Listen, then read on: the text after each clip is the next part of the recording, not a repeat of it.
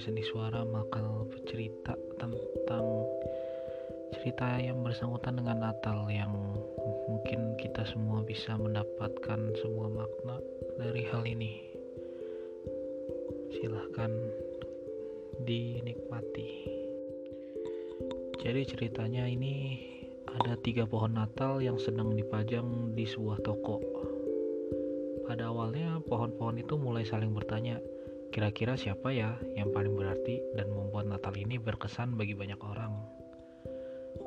Di antara ketiga pohon Natal itu ada pohon yang besar dan dia mulai menyombongkan diri. Orang-orang pasti akan memilihku karena aku paling besar dan orang banyak bisa berkeliling di sekitarku dan mengagumi aku.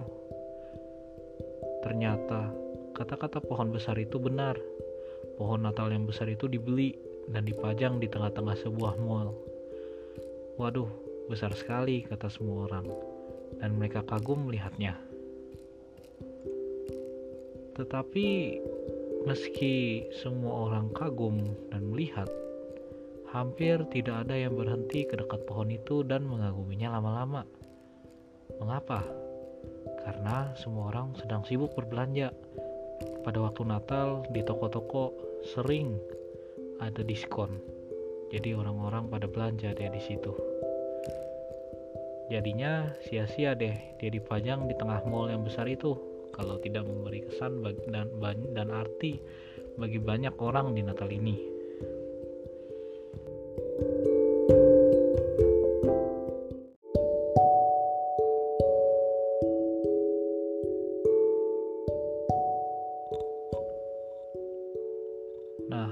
Setelah pohon yang besar itu pulang, tinggal pohon yang sedang dan yang kecil. Pohon yang sedang itu mulai berkata, Hai pohon kecil, aku jamin orang pasti akan membeliku dan juga dan meletakkan aku di sebuah rumah yang besar atau kantor yang besar sehingga banyak orang juga yang akan mengagumi aku dan pastinya aku akan sangat berkesan bagi mereka. Ternyata seperti pohon besar yang tadi, beneran si pohon sedang ini dibeli dan ia dikeletakkan di sebuah lobi kantor. Tapi sayangnya seperti perkantoran, orang-orang kantor semuanya sibuk. Jadi tidak ada yang memerhatikan pohon Natal tersebut. Dan besoknya kantor itu sepi karena liburan Natal. Pohon Natal yang sedang itu sedih juga karena kehadirannya sia-sia.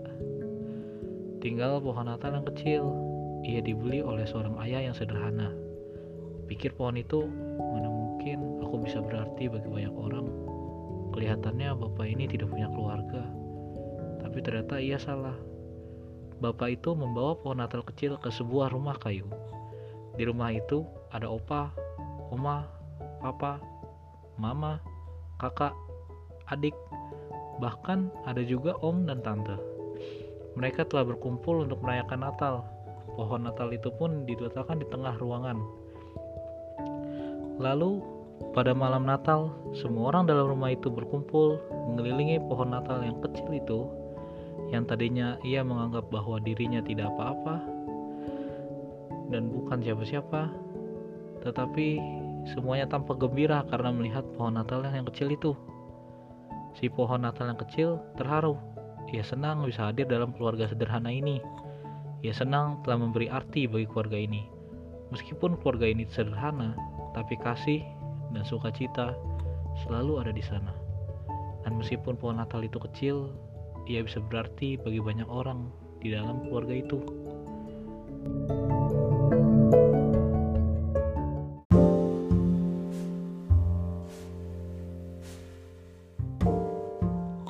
Jadi, buat pelajaran kita hari ini yang masih dalam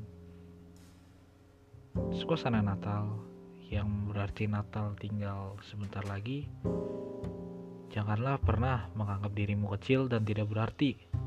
Seperti tadi pohon Natal yang kecil meski ia minder terhadap dirinya. Tapi ternyata dia membawa banyak kesan dan banyak cerita kepada keluarga yang kecil itu.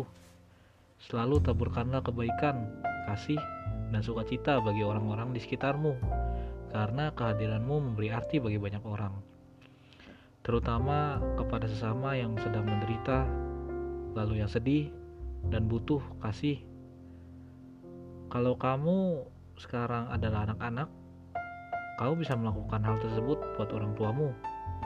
Bahkan jika kamu sudah besar pun, orang tua harus kamu selalu sayangi. Jangan lupa, mereka selalu bekerja sampai capek di rumah. Di rumah pun tidur karena saking capeknya, bukan karena mereka tidak mau peduli terhadap kamu, tetapi karena mereka sudah lelah bekerja. Tolonglah dan ingatlah bahwa orang tuamu selalu peduli kepada kamu. Selalu peduli kepada orang lain dan tetaplah peduli meski kamu pernah disakiti. Karena itulah yang Tuhan ajarkan kepada kita untuk selalu menyayangi musuh kita sendiri. Oleh karena itu, jangan lupa ya terhadap pelajaran ini. Selamat menyambut Natal. Terima kasih.